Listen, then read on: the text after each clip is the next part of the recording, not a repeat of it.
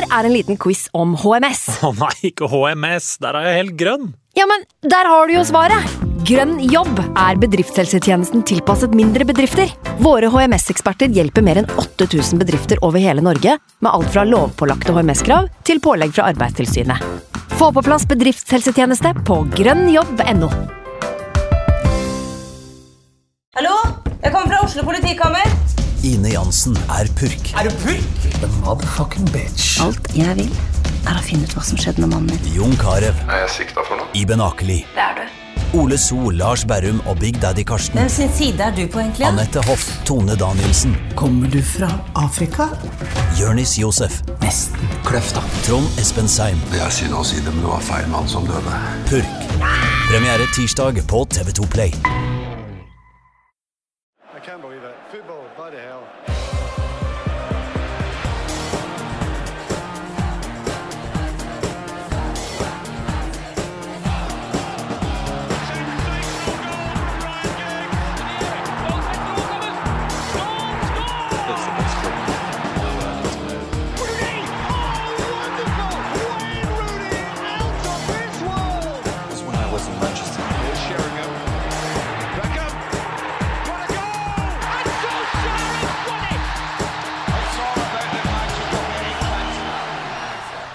Velkommen tilbake til United We Podcast med meg, Ken Vasenius Nilsen. Med meg i dag, nær sagt som vanlig, Anders Serener. Han er her i dag også. Halla, Anders. Halla, halla, halla. Er godt å ha deg på plass. Jo, takk. Alltid godt å være her. God mandag.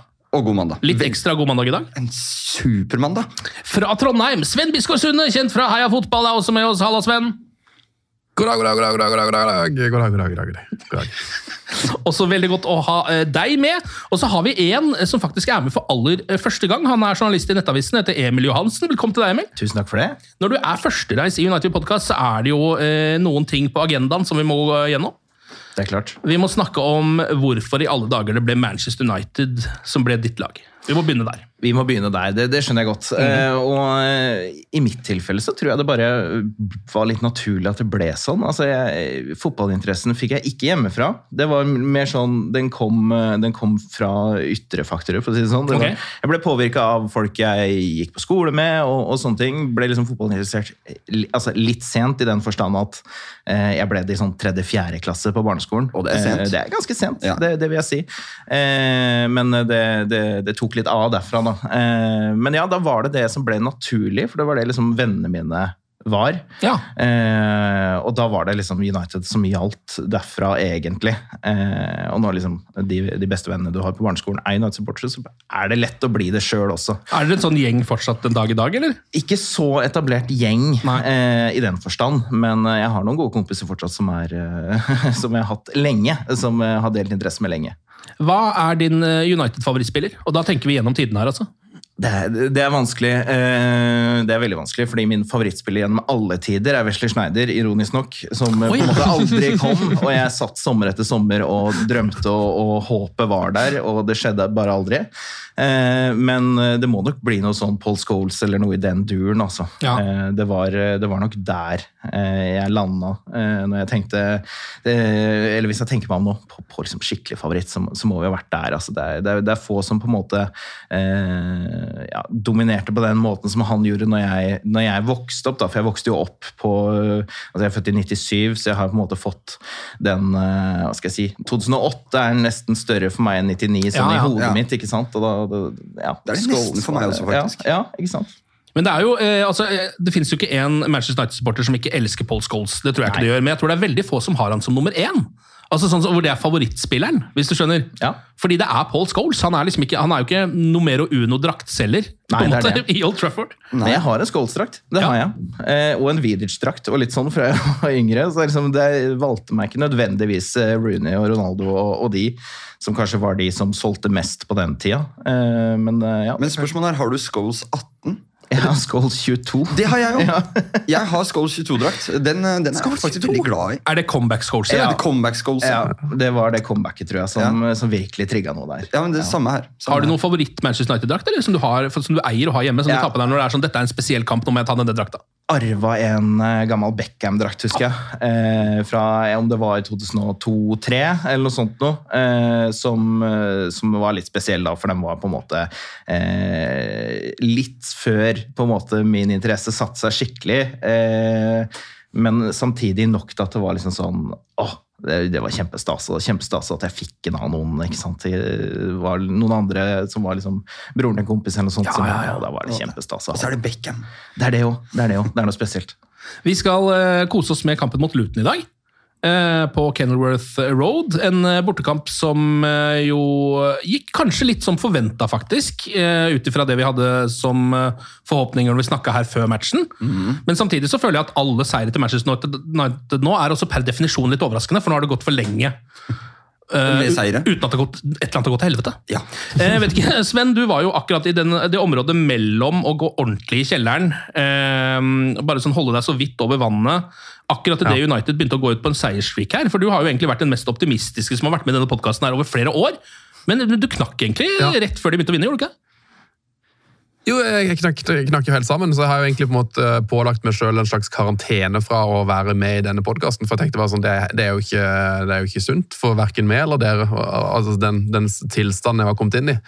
Så jeg har vært eh, på mitt laveste, tror jeg, som United-fan. Eh, men nå har det jo fanken meg snudd, og i går så gikk jeg til match og så tenkte jeg jeg, jeg tror vi vinner den kampen her.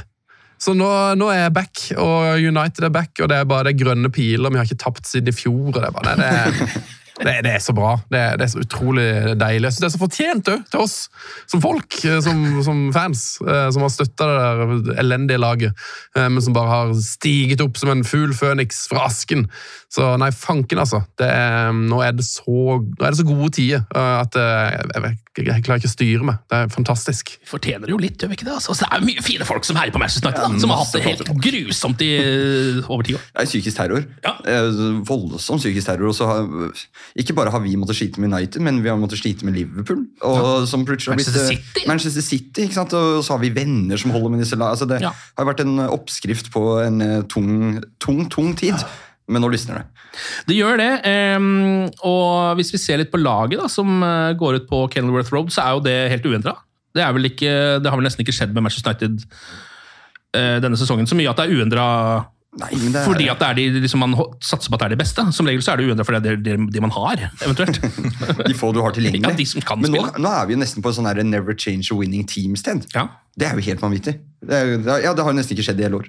Det har jo ikke det. Eh, Så det er jo da Onana i mål. Da lå og så på bekkene, var og Maguire som midtstoppere. Casemiro og Kobi Mainu tar de eh, dype midtbanerollene, mens Bruno er litt lenger framme.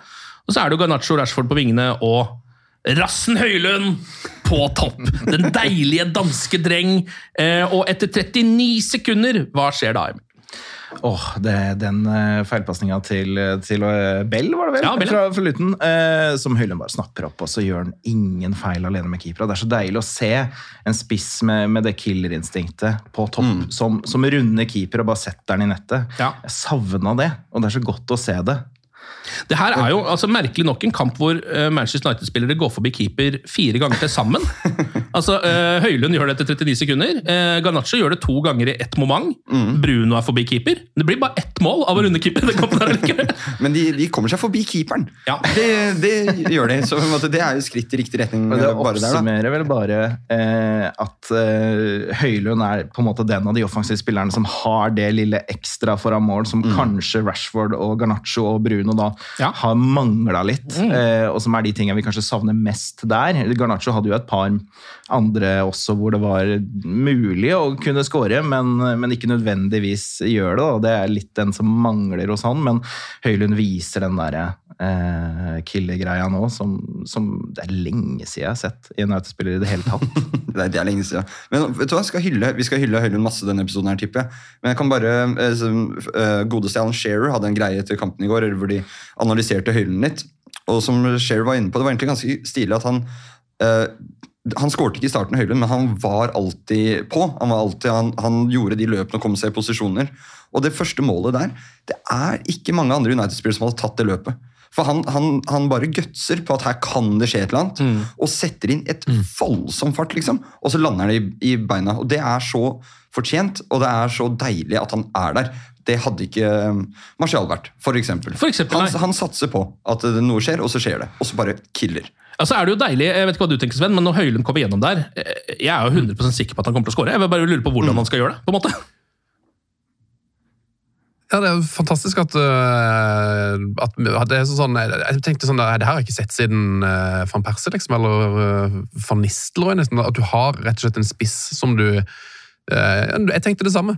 Nå skårer han. Han kommer til å. Uh, det er jo helt, fantastisk. Og han har bare utvikla seg til å bli en monsterspiss. og så rett og slett bare en god gammeldags klassespiller. Så um, det, nei, det var det er så fint med den gode gamle rassen, altså, at, han er, at han er blant oss. Det er, koselig. Ja, Det er jo deilig, da. Sjette kampen i Premier League han skårer på rad nå. Eh, Det er jo en ny rekord, fordi at han er såpass ung. Han er yngste som har skåret seks Premier League-kamper på rad. Som er ganske sjukt å tenke på at det er gjennom tidene, altså. Eh, Ja, Det er ganske Det er ganske vilt å tenke. Altså, det er jo ikke gjennom tidene, det er Premier League-tidene, da. Men altså fra 90-tallet fram til nå så er det ingen som har vært yngre enn han som har skåret seks kamper på rad. Så er det jo noen andre sånne små United-rekorder som man også begynner å uh, tangere litt etter hvert. her da. Uh, både Cantona og Cristiano skårte jo i seks på rad for United. Uh, Nistelrooy hadde ti på rad, så han har fortsatt litt å gå, litt å gå på der. Og så er det Wardy Han er 11. Er det fortsatt rekorden? Ja, det tror jeg kanskje det er. Ja. altså. 11 It's Heaven for Wardy. Ja. Tenk om Høylund hadde tatt den i år, da. Ja, men altså, den, den, nå, er, Å skåre fire til på rad og tangere van Nistelrooy er jo fortsatt helt sjukt å gjøre. Men eh, ja, jeg vet ikke. Det er et eller annet der nå som Han går litt på vannet, eh, og det får vi jo et bevis på etter fire min, hvor det neste som skjer i den kampen her, skjer. Uh, Garnaccio som spiller til Rashford, han skyter på liksom én touch fra rundt 16 meter, keeper med en sånn reaksjonsredning, og så rett etterpå så scorer United på en corner, faktisk. Altså, eller etter en corner, da. Det ikke direkte på corner, liksom, men det er da eh, Det er vel Garnaccio som prøver å skyte. Mm. Treffer liksom litt sånn eh, litt på leggen der, eller noe sånt.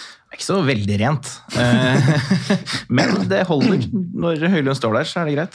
Ja, og først så tenker jeg bare sånn, eller Aller først så ser man jo ikke hva som Jeg skjer. skjønte ingenting av Det er bare et skudd, og så å ja, det ble mål. Hvordan skjedde det? Det var nesten litt sånn Fifa-aktig. Her må vi gå inn og granske. Her er det en glitch. Ja, her er det en glitch. Her er det en glitch.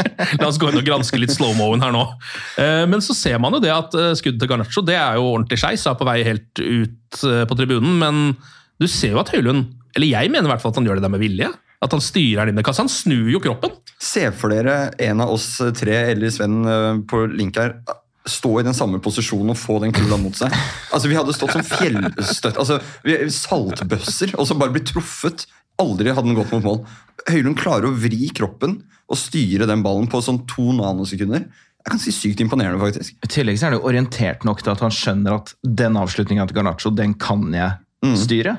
Og ikke prøve å hoppe unna, sånn som jeg sikkert instinktivt hadde tenkt. At oi, oi, oi, her kommer en avslutning, her er jeg i veien. Men nei da, den taren styrer, bryster i lengste, liksom. Det er helt fantastisk å se på, egentlig. Ja, Det er jo, også I hvert fall når du da eh, etter matchen hører at han går ut og sier at han har, han har trent på dette! Han har trent på å bruke eh, kasser og solar plexus og skuldre og albuer. Spesielt solar plexus, tenker jeg. Der er han sikkert veldig god om dagen. Setter han alltid med plexus? Alltid. Ja, det er veldig deilig. Da er det 2-0 til eh, Manchester United. da. Det kan jo også se ut som en offside til å begynne med der, eller det er så mye greier, men det er jo ikke det, for det er to som ligger på streken der og Mm. prøver å dekke opp noe greier. Um, gult kort til nye Luke Shaw um, etter 19 min. Han har liksom ikke litt sånn, han har jo en veldig god førsteomgang, Luke Shaw, men han blir jo etter hvert også skada. Ja, der, nå, nå begynner jeg Jeg skjønner ikke helt hva som skjer. Jeg. Fordi han ble tatt av forrige kamp. Precaution. Og så er han jo åpenbart ikke helt i, i, i kampform til denne kampen. Han er god i første gang, men jeg syns det, det merkes at han er litt prega av et eller annet, og så rusler han i garderoben i, øh, Er det rett før pause eller i pausen? Ja, det er vel der? Og det, er, det der er et problem, altså. Det er et problem med Shaw, for vi er så avhengige av bekker. øh, Gode bekker, og Shaw er den beste bekken vi har. Men han virker ikke å være i, i form i det hele tatt.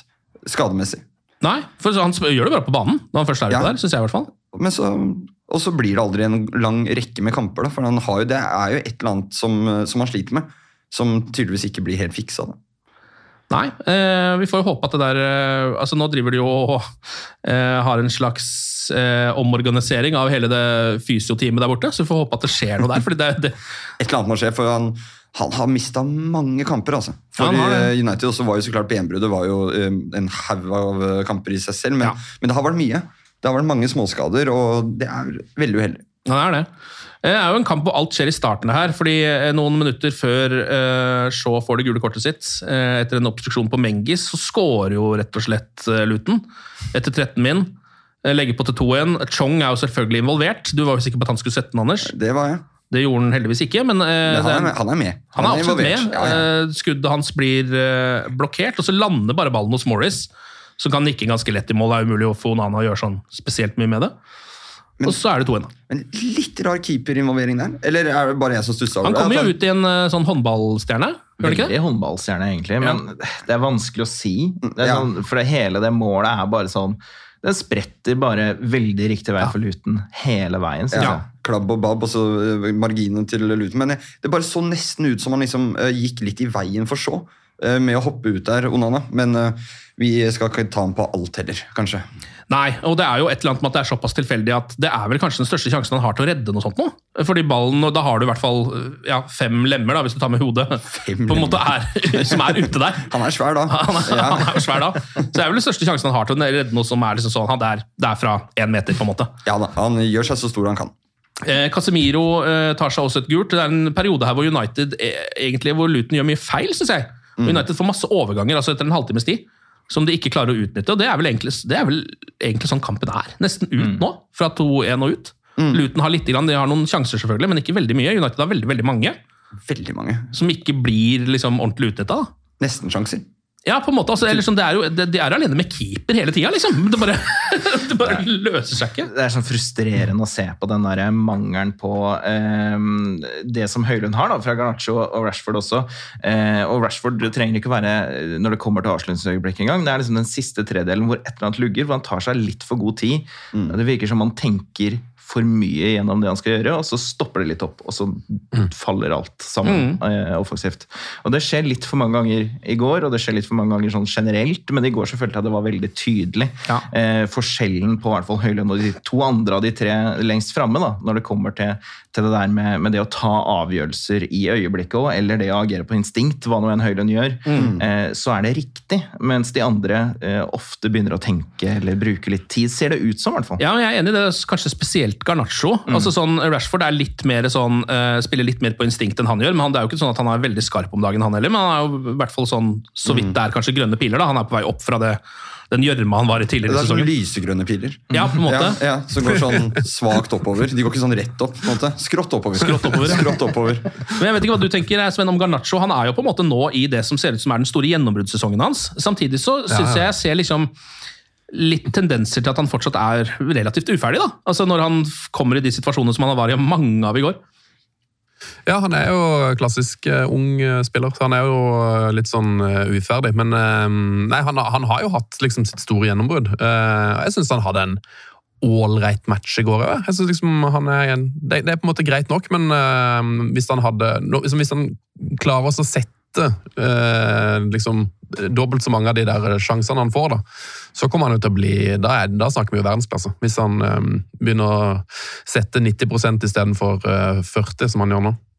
Men hva tenker du om eh, Casemiro nå? Vi, denne samtalen tar vi nå egentlig hver kamp han spiller. Eh, ja. Men det er jo en grunn til det. Nå er, I denne kampen her så han har jo en liten stinker, Casemiro, her i den matchen. her. Mm. Eh, får seg tidlig gult kort etter 33 min, hvor han drar ned Bell, som rykker forbi han. Eh, ned på knærne og ber om nåde, selvfølgelig. Eh, men det hjelper ikke denne gangen heller. Det blir et gult kort. og det er jo... Altså, han kunne jo, Vi skal jo komme tilbake til det, at han rett kunne blitt utvist bare noen minutter seinere, når han takler Barkley der. Mm. vet ikke, Hva tenker du, Sven? Er det liksom uh, det, Casemiro i nåværende form? Er det noe som kan spille ja. fra start for Manchester United? Uh, så vidt. Ja. ja. nei, det er jo, altså, vi snakka om det her når Casemiro kom, at han er jo um, han er jo på en måte en verdensklassespiller, men som er på vei ned. Uh, og det er jo det som er så Altså, han uh, han er fin spiller, han liksom, men sånn, han må jo på en måte erstatte. Så det er et eller annet sånn mismatch mellom det at han er klubbens best betalte spiller og egentlig burde vært kapteinen vår, og egentlig så burde han jo vært når han har så høy lønn, så burde han egentlig vært 26 år, og vi burde liksom kunne stole på han i fire år framover. Men, men, det er jo det motsatte. Ja. Du, han, jo, han, kommer til å ha mye bra kamper, men det kommer jo bare til å bli sånn, han kommer til å bli litt og litt for gammel uh, for, for, hver måned som går. Så um, han, han, uh, han, er fin, han. Eh, men sånn som i går, da, så ser du at han, det, det begynner å bli sånn svakhetstegn. Og så tror jeg jo kanskje at han ikke har liksom Jeg syns han ser ut sånn som en spiller som på en måte må ha noen matcher for å komme tilbake i kjempeslag. Sånn at Mm. han han mangler, han bør ha noen kvelder til på, tre, på tredemølla liksom, for å få vekk det der eh, den gamle skadeformen, på en måte. At han må komme seg litt opp i shape. så Ideelt sett så må vi jo få inn en, eh, en, en ny midtbanegeneral så fort som mulig, som kan på en måte som kan teame opp med Mainu i framtida. Men altså, Sven, du som er minst nestleder i Scott McTominay-fanklubben. Eh, Han er jo mannen som kommer inn her også. Eh, begynner du liksom å tenke at han kanskje burde starte flere kamper, eller? Synes, øh, ja, men altså, det er jo litt sånn Jeg syns egentlig det er helt perfekt å ha han til å komme inn. Ja. jeg synes jo han, han, han er jo så livsfarlig når han kommer inn fra benken. Han kan jo liksom være med og snu kampene. Um, og jeg synes jo ikke at jeg tror jo ikke at United hadde blitt noe bedre nødvendigvis med McTominay i den rollen til Casemiro. For McTominay jo, har jo et helt sånn merkverdig altså, Han er jo egentlig best som tier, men vi kan ikke ha, man kan jo ikke drive på å spille med McTominay som tier heller, liksom fra start i matchet. Så jeg syns egentlig det er ganske perfekt sånn som det er nå. At han starter noen kamper og er litt sånn super sub og eh, på en måte er en del av laget, men, men ikke starter. Så um, jeg syns at han blir brukt veldig riktig nå. For det er et eller annet med at han ikke liksom, han passer på en måte ikke inn i noen av de fem plassene på midtbanen. Sånn som United, sånn som jeg tror Ten Hag vil spille fotball. Da. Det er jo bare kjempeironisk, men han, han passer jo egentlig ikke helt inn i den måten som Ten Hag vil spille på, tror jeg. Offisiell uttalelse fra Scott McTominay-fanklubben der. altså. Scott McTominay blir brukt helt perfekt akkurat nå av Eriksen da. Når han er på benken. Når han er på benken, Ja, når han er på og benken. når han er på banen. Ja. Ja, det, det er et veldig merkelig standpunkt, men vi, har, vi, vi må på en måte bare stå for det her i McDominay-fanklubben. det må. at det, det er det vi har landa på. At det er bra. Han er perfekt på benken. Dette står styret i klubben eh, bak. rett Ja, og ja, ja. slett. Det er en offisiell uttalelse. Jeg er også veldig enig i analysen til Svender om at Casemiro blir litt eldre nå for hver måned. Eh, Det er faktisk dessverre noe han deler med ganske mange andre da, eh, av oss. Men eh, du Det er kanskje ser jo- litt tydeligere når du er på en fotballbane enn hvis du skal inn og sjekke mail. Det er det, det, er, det på en måte. Men han eh, så noe tall på at han, han blir jo dribla betraktelig mer nå enn han ble i fjor. Ja. Og det synes jeg det trenger man ikke å være en tallknuser for å se heller. Det, såpass skjønner vi jo. Jeg tror ikke at han kommer tilbake altså, på det toppnivået vi så i fjor. Det har jeg litt vanskelig for å tro på. Jeg tror vi, som Sven sier, eh, at han kommer nå til å bli litt eldre for hver måned. Og ikke har det tempoet som Premier League krever. Så det var litt sånn svanesangen hans, kanskje, da, den sesongen der. Ja, Men for en svanesang, da. Ja, den var bra, da. Ja, Veldig fin svanesang. Jeg vet ikke hva du tenker, Emil, etter 38 min der, når han da eh, har en dårlig touch. Eh, Barkley snapper ballen, og så takler han han med en gang. Har gjort fra før, fra tre minutter tidligere, eller hva det var. Er det, ser du det røde der, eller? Man forventer det jo nesten. Ja. forventer at det røde skal komme, det andre gule der. Og, og det var jo litt sånn den perioden i fjor også, på den samme tidspunktet cirka, hvor han begynte med den serien med røde. Ja, stemmer det. eh, og det er litt den der følelsen som kom eh, i går der, når den andre kom på Barkley der, og du tenkte nå nå ryker han. Eh, Og når han da ikke ryker, så, um, så syns jeg det er helt riktig å ta han av. Ja.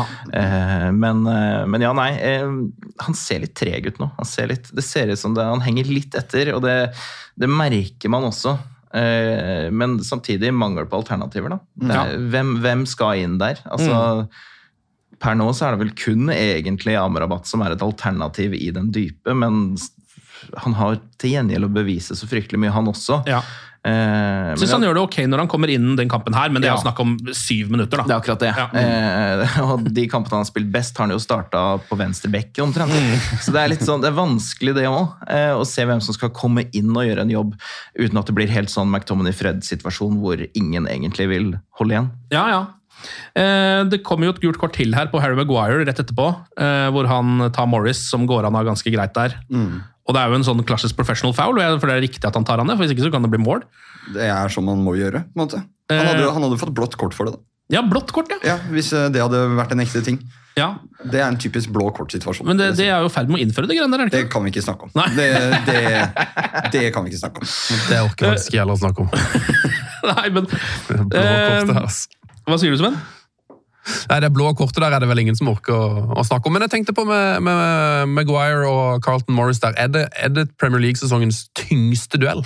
Altså, det, er to, det er jo to sånne tankskip liksom, Ja. som bare flyter rundt utpå der i en, eh, en herlig dans. Ja, det er vanskelig å få en tyngre duell. altså Morris er jo på en måte Premier Leagues nye Troy Dini, mm. øh, føler jeg på en eller annen måte. Og Troy Dini hadde jo en sånn regel om at han alltid var 15 kilo overvektig når sesongen starta. For at han visste han kom til å gå ned i vekt fordi han løp så mye utover sesongen. og han måtte være litt grann feit eh, for å være på sitt Og Troy Dini skjønner ikke hvorfor ikke han er i Bayern, og ikke for Harry Kane. Ja, men Det skjønner han jo faktisk ikke. Nei. Han skjønner jo ikke det i det hele tatt. Når han sitter og sier 'vis meg én ting Harry Kane er bedre på enn meg'. Det er Jeg skal vise deg så mye jeg tror. Ja, vi har en hel kveld. Har han sagt det? Ja, ja. Å, for en legende. Man må tro på seg selv. vet du, hvis ja, ja være... da skal du virkelig jo. Eh, Men eh, Ten Hag gjør jo noen eh, trekk her da, ved pause. Han må jo ta ut Shaw. Der har han rett og slett ikke noe valg, så Lindeløf går inn på venstrebekken der. Men så bytter han også to til ved pause. Tar ut begge de med gult kort. Altså Casemiro går ut, McTominay kommer inn. Maguire går ut, og Johnny Evans kommer inn. For en legende. For en legende. Ja. Ah. Og Johnny Evans-låta, holdt jeg på å si, sangen, chanten, begynner jo å gå ganske umiddelbart blant United-supporterne der. La dere merke til denne raidans. Han hadde vel aldri ballen i raidet, men han var å le igjen! For et løp! Det, er noe, det må være noe av det gøyeste som har skjedd i Premier League noensinne, eller? Jeg så liksom Det, det, det løpet spillere. var helt maskin. Ingen skjønte noen ting. Ingen, Verken Luton-spillere, United-spillere eller Evans skjønte hva som skjedde akkurat i den situasjonen der. Veldig Ja, vakkert. for det, ja, det er vel en slags overgang hvor han går på et voldsomt løp fra midtstopperplassen sin og plutselig er liksom inn i femmeteren til motstanderen der. eller noe sånt. Ja, men det, men det der må ha vært noe Det må ha vært en del av planen. For det at Maguire gikk jo på et løp tidlig. Og så plutselig, Dalot var jo alene med keeper. Så det, det var tydeligvis et eller annet uh, Ten Hag hadde sett, tror jeg, om at her er det mulig å skape noe overtall med å gå fram Uh, For alle, alle hadde jo et sånt sinnssykt ride på et eller annet tidspunkt. Ja, men du har nok rett i det. for altså, det, han, Evans kunne jo blitt spilt alene med keeper i den situasjonen der. Jeg husker ikke hvem som har ballen, om det er Bruno eller noe sånt, som bare ikke ser Eller bare kanskje ser at det er Evans og bare tenker sånn, kanskje jeg bare skal Her må gjøre noe annet. finne på noe annet. Jeg vet ikke hva det er. Her må runde keeperen. ja, sannsynligvis. Men det er jo som du er inne på, Sven, at uh, etter bare tre minutter av andre omgang, så er det en kjempeball fra Onana, som har noen av de der. Uh, han har hatt det gjennom hele sesongen, og har noen av de i den kampen her òg. Gjennom til Dalot, som rett og slett er alene med keeper og prøver å dra ham av, som er det man, man gjør. Så har han en litt sånn klumsete touch, og så snapper keeperen rett og slett opp ballen. Men Luton jo, eller, spiller jo litt sånn gung-ho-aktig, nesten. Altså, det er jo mye rom til Manchester United gjennom hele matchen. liksom. Men det har jo Luton gjort veldig bra denne sesongen. De Ja, de har det. Har jo, det har vært et tøft sted å dra. De har jo sanka poeng mot eh, flere gode lag. Um, så de gjør noe riktig der. Ja. Og, og de ville jo ha en åpen kamp, og det gjør de jo det gjør det jo morsomt da, å sitte og se på. i hvert fall. Ja, det er jo en veldig morsom kamp hvor det kunne vært veldig mye mer mål enn det det er. Eh, United har en del sjanser. Etter 57 min så kontrer de på Luton. Rashford med en herlig sånn Ronaldo-hæl-flikkfinte. En god avslutning med venstre, men keeper tar den. Eh, og så har de jo en megasjanse etter 60 min. Eh, Rasmus Høylund spiller Garnaccio rett igjennom på Bruno. Går forbi keeper. men, men der er Lokonga eh, og blokkerer på åpent mål. Og Bruno river seg i håret eh, og blir altså så forbanna som bare han kan. Absolutt. Um, han har ikke sin beste kamp i den kampen. her. Kanskje en av hans får litt sånn, litt sånn svake kamper. Men hva tenker du om formen til Bruno nå? Hva tenker du, Emil? Altså, han er jo en spiller som alltid skal spille for United, men Ja. man ser jo litt også, han er jo en sånn hit and miss-spiller også. da. Det er litt det. og det, det føler det, Når det flyter, så spiller Bruno bra.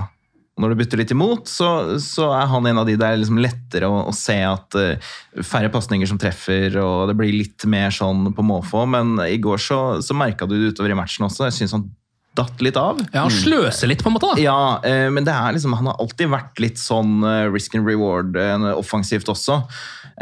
Som jo har lønt seg ofte, og det er litt det du får, men, men samtidig, han er jo en spiller som alltid spiller. Han skal egentlig alltid spille, sånn som det er nå også. Eh, og han har på en måte arbeidskapasitet og, eh, og en lidenskap der i tillegg som, som, er, som gjør litt opp for det. Eh, men samtidig så er det, det er frustrerende når han som på papiret skal på en måte diktere det offensive spillet, eh, ikke helt fungerer på dagen. Eh, og han skal på en måte være den som finner Garnaccio, finner Rashford, finner Høylund.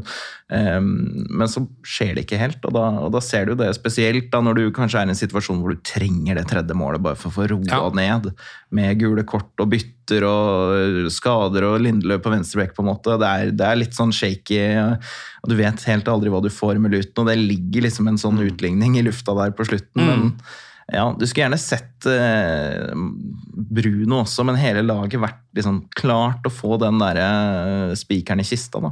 Ja, og jeg, jeg skulle gjerne likt å se Bruno eh, ha en slags Jeg vet at det ikke er sånn det funker, men at han skulle ha en slags, han er såpass god spiller. da, Mm. At han kunne hatt en slags knapp han kunne slått på og begynt å spille litt tryggere.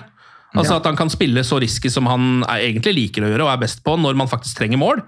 Og så når det er liksom at det går an å da, når man leder 2-0, for eksempel, eh, og på en måte skru på en liten sånn en Kobe Maino-switch, som gjør at du bare slår de rette pasningene istedenfor å prøve på sånne sinnssyke ting. hver Jeg tror det er mye altså jeg, For det første, jeg syns at Lindeløf på venstrebekk på en måte er en fantastisk oppsummering av hvordan det er å ha Lindeløf som venstrebekk. For det er jo bare på en måte en venstrebekk. Ja. Men jeg tror, kan det hende at vi ser at Bruno rett og slett er litt sliten? Ja, altså, ja. han, han er vel kanskje den som har spilt flest minutter de siste tre-fire sesongene. Ja, og det tror jeg ikke bare er United, det er vel så å si hele verden. Ja, og så jeg ser for meg at eh, tanken var at han skulle avlastes litt denne sesongen med Mount, som ingen helt vet hvor er. på en måte. Så han spiller jo bare, og jeg syns han ser jeg synes han ser sliten ut. Og han løper jo helt vanvittig mye hver kamp også, så det gir jo veldig mening. Mm. Men eh, jeg tror han, han hadde virkelig trengt en, eh, en, en, en avlaster. Ja. For han må jo spille. Det er ingen andre som kan Det er Scott McTominay, da. Ja. Men jeg tenk, tenk situasjonen i går da, hvis man hadde kasta inn på Eriksen siste kvarteret. Er, er, er, går det ikke i det hele tatt, tenker vi? Er bena helt kjørt? Ja, ja. poeng, egentlig. Altså, skulle tro at han klarer et kvarter. Han er jo tryggere sånn sett. Mm. Han gjør mindre feil da, og tar ikke Mm. så mange risks som det Bruno gjør. Men han er liksom litt glemt. Ja, han er glemt. Ja, så At, at var- Eriksen er et alternativ. alternativ. Det var en liten sånn Tyrkia-link der i Ja. Ja. starten av måneden, slutten av januar, og så etter det så har du nesten ikke sett den. Nei. Kanskje det er noe greier som skjer der. Eriksen har jo vært litt vrien tidligere også, når han har ønsket seg bort fra Tottenham, eksempel, den perioden der. Altså, jeg, det, er, det er et godt poeng. Jeg har helt glemt at han faktisk er et, en spiller man kan bruke. Eh, For han brukes jo bare ikke. Nei, akkurat nå så gjør han ikke det. Ehm, det skjer igjen etter 66 minutter. Denne gangen så er det Garnaccio som er alene med Kaminski. Går av keeper. Nei, kødder? Én gang. Og så er, ligger Lokonga sannsynligvis der, eller noen andre, og liksom han har sett at Bruno gjorde dette for seks minutter siden. Så han prøver å gå inn igjen og går av keeper en gang til. Ja. Hjelper ikke det heller. Eh, Avslutninga går i blokka allikevel. Veldig som Fifa, for han prøver å liksom avslutte tilbake igjen. Ja. Eh, Men der skulle han jo gjort som hva het han eh, Var det Rocky Cruz som hadde en litt sånn lignende mål en gang, hvor han går av keeper to ganger og så bare chipper i krysset? Ja, det er Giovanni Dos Santos. Giovanni Dos Santos, takk, takk. Det kunne Garnaccio gjort. Det var vel et, eh, et mål som gjorde at eh, Mexico vant Gold Cup, eller et eller annet sånt. ja, der. ja, fantastisk mål. Men eh, eh, vi må, altså, Garnaccio litt sånn ukillerinstinkt den kampen her, men faen, altså. Han lyser fotball. Jeg elsker å se han eh, på den høyre kanten der. Nå har angrepsspillet til United de to siste sesongene vært ene alene på venstrekanten. Men nå, nå ser det ut som vi faktisk skjønner at faen, det er to sider her. Vi kan bruke den høyre sida også. Og Dalot og Garnaccio-linken mener jeg nå er helt der oppe med Shaw og Rashford, som har vært hylla masse. da. Og, og Dalot han kunne jeg også hatt en egen spesialepisode om. Han er så jævlig nydelig om dagen. Og alt det han tydeligvis gjør, som han leser om at han trener ekstra på innlegg og disse tingene her, da, det gir jo, det gir jo resultater. Ja. Trening. Tydeligvis, da. Eh, Han har tatt enorme steg, altså. Ja, han har rett og slett det. Uh, han har jo vært en av de ordentlige lyspunktene denne sesongen. Der, synes jeg. Eh, Diogo Dalot. Så får man håpe at han bare holder det nivået, for han har jo vært på det nivået noen ganger før òg. Men så har han ikke klart å være på det nivået i ti kamper. da. Han har liksom vært der i to. på Men nå har han nesten vært det hele sesongen. Ja da. Han har vært, rett og slett vært veldig bra. Uh, United eh, trøkker litt på etter 70 min også, får et frispark på hjørnet av 16-meteren. Bruno prøver et skudd, eh, som er bra, egentlig ganske bra. Ganske hardt og får en liten dupp, men Kaminski tar den vel ganske så eh, greit. Og Så kommer en av de mest omtalte situasjonene i kampen, som ikke handler om mål eller var eller noen ting, egentlig. Det er bare et gult kort til Kobe Mano. Husker du den situasjonen, Sven? Uh, remind me. Ja, det, er, det ser altså ut som han, eh, han jobber hjem og tar det som ser ut som en helt perfekt takling på Clark. En scoop Ja, tackle. ja, ja! Eh, altså En sånn takling som ikke bare er på ball, og ikke på noen bein, men som også er så perfekt at han bare reiser seg opp og fortsetter med ball. Ja, det var utrolig irriterende. Uh, det, er jo, altså, det er en klassetakling, Uh, og så er jo problemet at VAR kan jo ikke stryke gule kort. Men uh, Jeg skjønner ikke noe annet at det er en helt perfekt takling, men det var noen på, på puben som mente at han var på han med mm, at uh, selv om han gjør alt riktig med føttene, så er han på med armen først. Sånn at han på en måte river han eh, ned. Men det, det, det er så bare, det der er så irriterende, så det, liksom, det, det er jo på en måte kampens beste takling. Eh, og så klarer dommeren å dømme frispark på det. Jævlig irriterende. Ja, jævlig irriterende. Og det frisparket er nå én ting, og det gule kortet syns jeg jo bare blir helt sånn da, da kan man jo bli ganske frustrert som spiller. Det var bra det der ikke skjedde med Bruno, for eksempel, eller med Casemiro. Han hadde fortsatt stått og klagd, Ja. Jeg tror det. Ja, men hvis, Eh, hvis vi skal skryte litt av, skryte litt av dommeren, så tenker jeg at liksom han, eh, han redda jo kampen litt, for han kunne jo gitt rødt til Casemiro i første gang, han dommeren. Men da tror jeg egentlig at han bare Ok, det, for, det gule du fikk for tre minutter siden, det var på en måte så billig. Mens det her, som du egentlig burde fått nå, det slipper du unna, sånn at ikke du skal få rødt. Så jeg følte at han dommeren faktisk eh, skal ha litt skryt for det. At han, var, han, var, han var jævlig til å gi gule kort, og var liksom trigger happy på det. Men når det faktisk eh, kunne bli sånn at Casemiro røyk, da, så liksom skjønte han at det her, kan her må jeg ikke ødelegge kampen. Så det, det, var, det var for så vidt ganske godt dømt, det. da. Ja, jeg er litt enig, for det er sånn god gammel eh, dømming. altså Man kaller det jo for kompensasjonsdømming, egentlig. det der, og egentlig så har man jo vært imot det, og VAR og sånn forholder seg jo ikke til det, selvfølgelig. Men, men jeg må innrømme at jeg liker det litt, ja, den gamle stilen der. fordi det blir for drøyt, syns jeg, at han skal få et rødt kort på de to taklingene der. da. Det blir sånn menneskelig. Ja, for hadde, de gått i, i motsatt rekkefølge, så hadde han ikke fått gult på den første situasjonen hvis han hadde hatt et gult fra før. Nei. Så det er på en måte det at han kompenserer for det. da. Ja, ikke sant? Um, det blir jo faktisk en liten sjanse også av det frisparket, eh, men heldigvis så blir det ikke mål. da, så Det kunne ha blitt utrolig irriterende, altså skjebnesvangert eh, rett og slett, at det der ble frispark i det hele tatt. Eh, United har nok en kjempesjanse etter 77, minutt, eh, 77 min. Da er det Rashford og Garnaccio som kombinerer. og Det ender med at Høylund er helt alene med keeper fra liksom femmeteren omtrent. Han er liksom pressa, eh, får bare avslutta med venstre midt i kassa på Kaminski omtrent.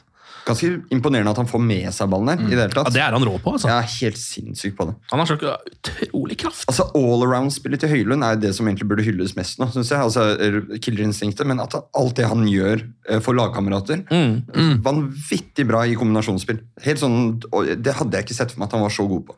Nei, det var vel det var første helt, vi så. helt rå i går. Ja, det der med også feilvendtspillet hans, da.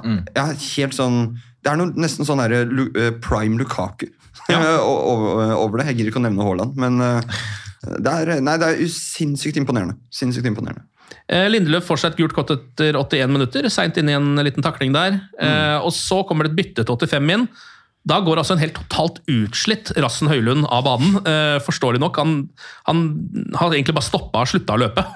Det siste minuttet der, fordi han er helt ferdig, tror jeg. Kroppen sa stopp. Ja, Han har jo altså løpt så mye gjennom den kampen her, mm. så der sa det rett og slett eh, stopp. Da er det Amrabat som kommer inn for å dekke opp litt bak. Det funker faktisk ganske bra, det byttet der, syns jeg. Han er der, eh, Amrabat, når han skal. Eh, Men United får flere sjanser. da, altså de, Det er helt utrolig at ikke de skårer mer enn to mål i den kampen. her. De to Ja. målene kom jo med en gang kampen hadde begynt. Eh, Det er Kaminski med et elendig utspill. Bruno snapper den. eh, Dunker til. Like utenfor. Like utenfor. Like utenfor. Og så kommer jo da det som kunne eh, ha vært det store skåret i gleden her. Eh, fire minutter på overtid, så får Luton en corner. Eh, jeg begynner å svette litt. Jeg har sett cornere mot Manchester United før. Det har vi. Eh, den lander hos Ross Barkley, som jo er i kjempeform nå. Litt sånn nesten i på landslagaktig form. eller? Ja, det er en sånn diskusjon, iallfall. Maino og Barkley. Jeg har alltid hatt sans for Barkley. Ja. Ja. En kul spiller. god. Ja, nå synes jeg det er gøy å se han i den formen, for han er jo egentlig sånn, han er litt på sånn Calvin Phillips-nivå, egentlig, at han var litt avskrevet. Men han er liksom eh, funnet uh, Ikke at vi skal snakke veldig mye om Barkley, men han, han har på en måte funnet noe ekstra der. Ja. En, en ekstra ro og litt dypere i banen, og det funker så utrolig bra. Ja, ja. Han er rett og slett sånn, han er sånn type spiller som United kunne ha snappa opp, hvis du skjønner, og faktisk hatt som en squad player i den formen han er nå. da. Jeg er ikke fremmed for tanken. Nei, ikke. Nei, det er morsomt. Han holder på å sette inn 2-2 her også, med en eh, heading som går i tverrleggeren. Uh, heldigvis. Og det er vel egentlig det siste som skjer også. Skulle du si noe, Sven? Ja, nei, jeg tenker med Det som er så fint med Barkley, da, er at jeg tror jo at grunnen til at han gjør det så bra nå, er at nå er han liksom lagets store stjerne. da. Så Det har vel vært problemet han sitter i alle klubber når han har vært der nå, at han har liksom vært sittet på benken og fått spille litt. Eh, Det tror jeg liksom bare ikke kler han. Han er en sånn fyr som må spille 90 minutter liksom dra lasset litt. da. Så jeg tenker at Hvis United hadde hentet han, så hadde det- hadde han sikkert blitt dårlig igjen. Ja. Hvis. Hvis, du, hvis du skal ha han, så må du faen meg bruke han. liksom. Ja. Uh, kan ikke drive på og ha han på bruke han litt. Da, blir det enda mer, da blir det enda en Mason Mount på Som du sa, Serener, som ikke vi helt vet hva skjer. Hvor er han, hvor er han hen? Er han United-spiller, eller? Altså, er det noen som vet? Noen som har sett han de siste jo tre månedene? Skada, da! Han og Malaysia, Ja. som bare forsvant ut før de kom inn. Det er, det er sånn, det er, det er faktisk litt uh, kjipt for sesongen. Uh, og så kan man jo kanskje kritisere Ten Hag noe også for å uh, sende ut alle venstrebekkene våre eh, enten sende tilbake på utlandet eller ut på utlandet. Mm. Eh, Nå er vi i en litt sånn skjært situasjon. og det samme med midtbanen. altså Vi ikke har den dekningen vi bør ha. da. Men Mm. eh, alt kan man jo ikke forutse heller. Ja, for det er vel det ene som liksom er Det negative i den kampen her er jo egentlig skaden på Shaw igjen, at han må ut igjen.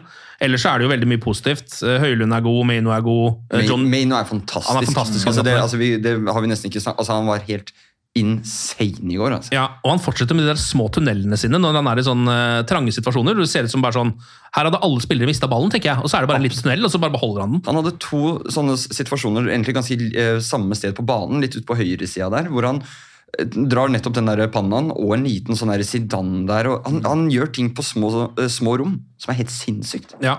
Og det er vi ikke vant til i United. Og det, og det er akkurat det som gjør det også. Og det er så fantastisk. Jeg ble nesten rørt i går da han hoppet på sida. Ja, ja. Og det er sånn Det her trenger vi. Det her har vi savna. Mm. Og det har man. Og man har ikke brukt kroner, altså. på en måte. Og det er det også. At man kan få fram egne talenter som er så gode Mm. på noe man nødvendigvis ikke har vært bortskjemt med før. Mm. Det er deilig å se. Det er veldig deilig å se. Eh, liten shout-out også til Amrabat, som har et ålreit innbytte, syns jeg. Hun liksom- er faktisk inne der og gjør et par eh, ganske viktige ting. Ikke så gode spillere. Casemiro har vi nevnt. Eh, Bruno har ikke en veldig god kamp. Maguire er ikke helt der, han heller. Han har en liten, vi nevnte den ikke her, men han har en ganske sånn grov tabbe også. Ja. Rett før han får det gule, eller i første omgang. En fall. Maguire special. Ja, Ja, en gammel var- gammel Maguire. Det var rett etter at han hadde fått en mann oppå kneet sitt. Ja. Så det så litt sånn derre Er du skada nå, eller? Jeg tror han var preget, i hvert fall. Ja.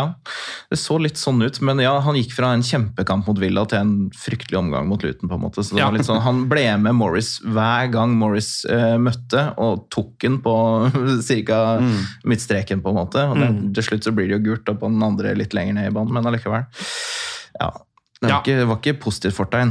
Nei, det var ikke det. Eh, Men det er liksom, hva er én kamp da, og egentlig bare to-tre situasjoner som er dårlige. Er Liksom, Han har jo spilt seg voldsomt opp. Veldig. Fyren kan jo starte kamper for United nå, og jeg kan faktisk være ganske trygg på han også. innimellom. Ganske. Ganske. Ganske. Skal vi titte på tabellen, da, som man gjør etter å ha vunnet kamper? Å ja! United er fortsatt på sjette. Ja, men, ja. men nå er det bare tre poeng opp til Spurs. eh, Fem opp til Villa på fjerde, og vi har vært innom at både fjerde- og femteplass kan jo være Champions League-plasser for Manchester United denne sesongen. her. Mhm. Eh, Så nå begynner det jo å ligne på et eller annet, da. Ja, altså Det er nesten så vi ikke tør å si det høyt, føler jeg. Mm. Fordi det, jeg føler at Hvis vi, hvis vi sier det høyt, så, så er det ikke ekte lenger. Ja, men det er, Det er, men, men det er jo United må jo være et av de beste formlagene i Premier League da. ja, det er jo det fjerde strake seieren, da. Ja. Eh, Det er vel det eneste som er litt sånn som er litt skummelt oppi alt, og som gjør at man kanskje ikke helt tør å tro. Altså Det er fortsatt liksom fem poeng til fjerdeplassen, og nå har man vunnet fire kamper på rad. Mm. Og hvor mange kamper kan man vinne på rad? på en måte? Altså Kan du kanskje vinne noen til på rad, men du kan hvis du skjønner mener, altså, Ja, ja, ja. De må jo på en måte nesten vinne åtte kamper på rad da, for å ta igjen noe som helst her. liksom. Og så Hvis du først begynner å tape, så taper du et par, og da er du langt baki der. Mm. Ja. Da er det bare å glemme. Jeg har egentlig liksom avskrevet topp fire litt. Eh, Så for meg nå så føler jeg at det blir en bonus. Eller eventuelt topp fem. ja. Hvis det, blir- men jeg skjønner ikke hvorfor, eller hvordan det fungerer. da, Om femteplass blir en Det er det liksom tallknuseren Halvard Dyrnes som må ta. Eh, For han har stålkontroll der. Men um, det er en bonus denne sesongen, altså, ja. tenker jeg. Hadde jo egentlig gitt, Jeg vet ikke hva med deg, Emil, men jeg hadde gitt opp eh, Champions League i den sesongen. her. Det ble litt sånn, eh, spesielt litt tidligere i vinter, hvor, hvor man tenkte ja, ja, nå, nå seiler de av gårde. Det så ut som Villa skulle være med i gullkampen, og det var liksom eh, veldig innstilt på at sjetteplass var, var, var greit. Ikke, altså men, eh, men man tillater seg Jeg i hvert fall tillater meg ikke helt å liksom tenke og det tror jeg er eh, veldig basert på de, de sesongene som har vært. eh, De åra som har gått. eh, Hvor man er litt sånn Ja ja, men nå kommer Fulham hjemme. Eh, Som på papiret skal være klink tre poeng, men man har en sånn følelse av at det lukter jo 2-2, eller noe sånt noe. Det lukter Andreas Pereira-mål. Et eller annet sånt. ikke sant? En William som plutselig skrur på, og Leno som ikke slipper inn noen ting. Altså, det, det er litt den frykten man har etter de åra som har vært. Ja. Men jeg kan jo ikke se noe annet enn at det toget her kan få lov til å fortsette. Kjøre på med Høylund på topp. og det, det, det kan jo ikke liksom Det er en optimisme nå som jeg kjenner eh, Det er lenge siden jeg har vært der. Og det er sånn Ja, vet du hva? Topp fire. Topp fem, da. Hva nå enn som gir Champions League. Eh, ja takk, det, det kan skje, det. Hvorfor ikke? Ja, og den optimismen der handler jo mye om det som skjer på banen, men kanskje like mye om det som skjer utenfor banen. Eh, nå har jo Gary Neville vært ute og uh, hylla Ratcliffe og Inni også sånn, for å gi en litt sånn optimistisk vind i seilene hos Manchester United igjen. Mm. nå er det jo eh, Dan Ashworth, eh, sportsdirektør til Newcastle, som jo er etter alle solemerker på vei til Manchester United. Ja. Eh, Siste der er jo at han har bedt klubbledelsen i Newcastle, visstnok, ifølge Fabrizio Romano, som kan mye, mye om disse tingene her. UEP-vennen. Han er vår venn, ja. Ja, han er vår venn. Ja, ja. Han skal være med igjen da, når Han- vi skal skal begynne å kjøpe spillere igjen. Absolutt. Uh, han har da meldt at eh, det er over mellom Ashworth og Newcastle. Um, og at de da har blokkert tilgangen hans til alle mulige dataprogrammer og speiderrapporter og sånn, som jeg kan forstå Det gir jo mening. at det gjør. Eh, han har sikkert titta på de tidligere òg, så han har vel litt koll der uansett. Tim. Kan hende at han har en ekstern harddisk. Ja, og da er det da altså denne garden leave, Ja. en slags sånn karantene da, som man skal ha nå. Eh, den kan man jo kjøpe seg ut av, og det er der det står nå. Nå driver de og prøver å finne ut av hvor mye penger United må gi til Newcastle. Ja. For, for det første at de skal få Dan Ashworth over, og kanskje for det andre at han kan gå på jobb første dag. Ja. Og det kommer til å bli en klekkelig sum, så får vi bare se. Men det er, altså jeg så at det var snakk om 20 millioner pund. Ja. eller noe sånt. Det er som vi om forrige episode, det er en dråpe i havet. Uh, med tanke på hva man får igjen, og hva man sparer på dårlige spillerkjøp de neste årene. Ja, ja. Dette er bare en kjempeinvestering. Og, og så tenker Jeg at hvis han, jeg så at han kanskje ikke kan begynne å jobbe før 2025. Ja. Han hadde jo begynt å jobbe før 2025. Altså Det, er bare, det hadde ikke vært offisielt, føl- føler jeg. da. At han hadde jo, de hadde, de hadde vært i kontakt i løpet av det året. Han får jo sikkert lov å dra og se på fotballkamper, f.eks. Og titte det på de spillere og Han er jo ikke i huskarantene, vel? Altså Han får vel handle mat og sånn? ja, Det er jo ikke bein, det er jo ikke liksom fotlenke her, eh, håper jeg da. Håper jeg. Men det er jo ikke en karantene hvis du kan kjøpe deg ut av det. Så Det er det, dummeste reglementet jeg har. Det er en karantene, men du kan kjøpe deg ut av det. ok? Ja. Det, er, det er det her, altså, det er alle som har prøvd å oppdra barn, eller altså, alle, alle som kan noe om straff og regler. så Det, dette er ikke en regel! Det er ikke en regel! Det er bare tull! Herregud. Ja, men, altså, ja, Penger kan jo kjøpe alt, da, Sven. Det er vel det vi har lært her. Å, herregud. Ja, hvis, jeg kan, eh, hvis, hvis vi tar det inn i fotball, så får rødt kort, kunne liksom Mason Holgate bare betalt 10 millioner og så spilt videre da, i, i går. Det rødeste kortet i menneskeheten. Så. Ja, men du, kan, du kan faktisk betale 11 millioner, så kan du spille videre. Ja, Det var jo det rødeste kortet i menneskeheten, men du må jo ikke glemme at dommeren ga gult kort på det, Sven. Eh, Ja, ja. Det jeg. samme som taklinga til Meino. Det der. Det var akkurat det Ja, samme straffen ja. på de to Det er taklingene. fint å tenke. Skal vi jo ta bruke ett minutt på å bare hylle at vi har eh, kanskje verdens beste målforskjell akkurat nå? Pluss ett mål. Er det det nå? Ja, pluss ett mål. foran Vi gikk i pluss i går, boys. Vi gikk fra null til pluss én. Ja, altså, hvordan er det mulig å øh, ligge såpass høyt på tabellen som de tross alt gjør, og nå har vunnet fire kamper på rad og fortsatt og ett mål i pluss? Det er helt rått. Det er helt rått, skal jeg si det. Det er faktisk helt rått. Vi skal ta, det er ett rykte som vi kan ta nå. Ehm, Det er jo fordi at eh, Kylian Mbappé sannsynligvis går til Real Madrid etter hvert nå. Da begynner det å åpne seg opp for at PSG skal hente noen spillere. Eh, bruke litt penger der. De får jo fryktelig mye penger for Mbappé hvis han går dit. Eh, og den, en, en av de spillerne som oftest nevnes der, er jo Marcus Rashford. Ja, de har vært keen på han i mange år, de. Ja, De har det, altså, eh, de tok jo faktisk sånn ordentlig kontakt med han i 2022. Da var det noe reelt på gang. Det ble ikke sånn, men det var et eller annet på gang der. Um, og nå er det jo snakk om at han er på ønskelista der. da. Uh, rett og slett at han skal ta over for eh, Kylian Mbappé. Tanker? For det første så er det en av de første jeg tenkte kom til å dukke opp i de ryktespaltene. Det gir veldig mening. Det gir veldig mening. Vil du ta den? Ja, altså Med United-øyne så er det alltid synd hvis det skulle skje å miste noen som på en måte har kommet eh, gjennom klubben og er på en måte oppfostra i United. Eh, samtidig så kan du jo spørre deg fra Rashford sitt ståsted nå om et miljøskifte og, og sånn hadde vært bra for han som spiller. Eh, Og menneske, kanskje. Det òg, kanskje. Eh, og det er jo ikke Det er ingenting som overrasker meg med at han blir nevnt i forbindelse med PSG igjen. Nei. Eh, og det er litt sånn han er sikkert på kjempelønn, han nå, på en måte. Og det det er ikke sånn at eh, han er den av de tre framme som jeg på en måte hadde freda først Nei. akkurat nå, heller. Hvis man ser på prestasjonen prestasjonene hans da, kontra det som jo sannsynligvis er markedsverdien hans, så vil jeg jo tro at den er høyere enn det han egentlig leverer på banen, da, hvis man skal Ja, være litt og- streng. Hadde han vært en spiller man henta for fire år siden, så hadde jeg nok vært eh, eh, mer tilbøyelig til å si eh, ja, vi takker ja til det tilbudet der. Mm. Men siden han har liksom kommet igjennom, så sitter det lenger inne. Akkurat Ja, ja. som med McTominay til Westham i fjor sommer også. Hadde ikke lyst. Eh, men ja, det, det blir jo litt sånn, da. Det er jo hvis prestasjonene fortsetter å være under pari, så er man jo liksom tilbøyelig til å begynne å tenke at uh, det er ikke det dummeste for alle involverte, egentlig. Men, uh, men ja, nei, jeg regner med at det kommer til å bli mye rykter fram mot sommeren der uh, mm. til PSG, selv om de på en måte allerede har Dembele, de har Kolomoani, de har ja, spillere som passer inn i det rommet, egentlig. Men, uh, men de er jo. PSG og har jo de, liksom, de siste åra hatt Mbappé, Neymar og Messi. Så ja. jeg tror de har gått litt på den der eh, Real Madrid-smellen at det skal være navn. Mm. Og Rashford er jo et sånt navn. da. Han, han er, jo liksom han er et de... leketøy, liksom. Ja, et, er... ja, et flott nytt leketøy som, uh, som jeg tror også ville vært skamgod i, i Frankrike. hvor vi må, vi må, være ærlige og si at nivået er nok både ett og to hakk lavere da, enn i Premier League.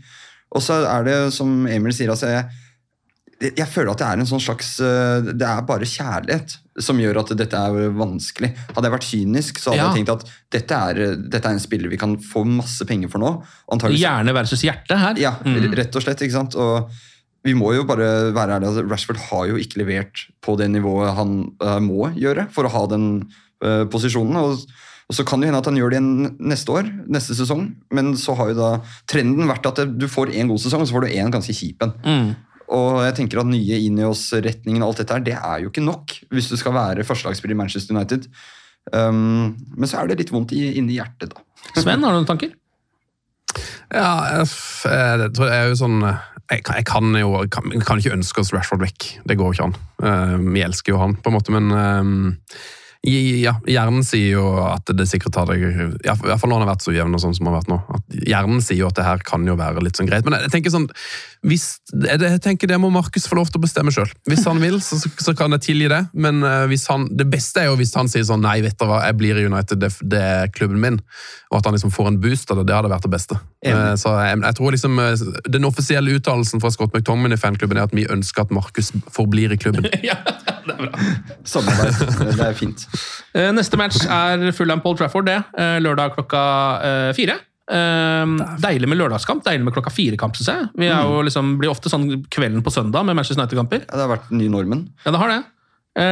Den kampen skal vi jo selvfølgelig snakke mer om når vi er tilbake igjen på torsdag. Så skal vi prøve å gå litt ordentlig inn i den matchen der. Men bare den generelle følelsen blant dere som sitter her nå, kan United ta en femte, liksom? United skal ta en på rad. Ja, ja, ja. Det er en no-brainer. Nå, nå går det toget. og det stopper ikke. ja, det, det, men det er et ja. Det er det. Det skal bli seier hjemme mot Fulham. Uh, og så får den tvilen jeg snakka om i stad, den, den, legger vi bak. Så tenker vi at det, det er, det er en sånn Moyes-spøkelse som dukker opp. Det er jo traumer, ikke sant? Det er rett og slett. Ja, vi, vi, har jo vært traumatisert i mange år nå. Vi skjønner jo ikke hva som Vi, vi sitter her og så Faen, Dan Ashworth og sånn. Dette er, uh, dette er ting andre klubber har hatt i mange år. Ja. Nå er det bare at United begynner å gjøre som alle andre. Ja. Og Det tar tid å bli vant til at United er bra. Heldigvis så har vi en del eh, folk som er så unge at de ikke har rukket å bli traumatisert på banen. Altså Sånn som Rassen, for eksempel. Han dette driter jo i de greiene her. Han kommer til å banke inn et par mål, han liksom! Så er det greit. Nå, endelig, endelig, så skjønner jeg hvordan mine foreldre hadde når man fikk farge-TV og sånn. Det føles litt sånn med United nå. At vi har hatt en svart-hvitt-TV, liksom. Og så er det sånn Oi. Hey, fuck! Wow! Alle de vakre fargene. Går det, an, går det an å ha sånne fotballklubber? Oh. Tenk dere det, folkens. United har altså blitt Life in Technicolor. Endelig har vi fått farger på skjermen når vi skal se Manchester United. Så da John Evans i går, eller? Han var jo helt uh, Det så ut som Beckenbauer. Altså, og han er liksom han er tredjevalget vårt. Fjerdevalget på stoppeplass. Ja. Herregud, for et lag. Ok, nei, men Vi er tilbake på torsdag. Da blir det mer om eh, Fulham-matchen. Anders, Emil og Sven, tusen takk for praten, og glory, glory!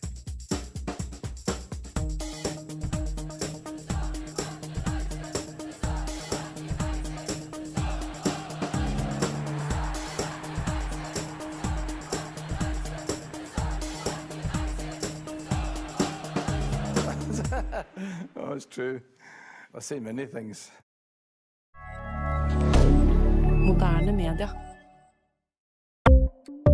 Ukens annonsør det er matkasseleverandøren Hello Fresh. Der kan du velge mellom 25 ulike oppskrifter hver uke, eller få Hello Fresh til å sette sammen en meny for deg. Jeg sparer tid på å handle, oppskriftene er veldig enkle å lage, og så får jeg akkurat det jeg trenger da, til hver eneste rett, så jeg slipper å kaste så mye mat som jeg vanligvis gjør. Det er også litt deilig å faktisk slippe å gå på butikken, ikke bare fordi det er tidkrevende, og sånn, men fordi man ender opp med å kjøpe så mye greier som man egentlig ikke trenger, sånn som fire poser eh, Smash og en kick med havsalt, eksempel. Det er ikke det du egentlig er der for, du er der for å kjøpe, kjøpe middag.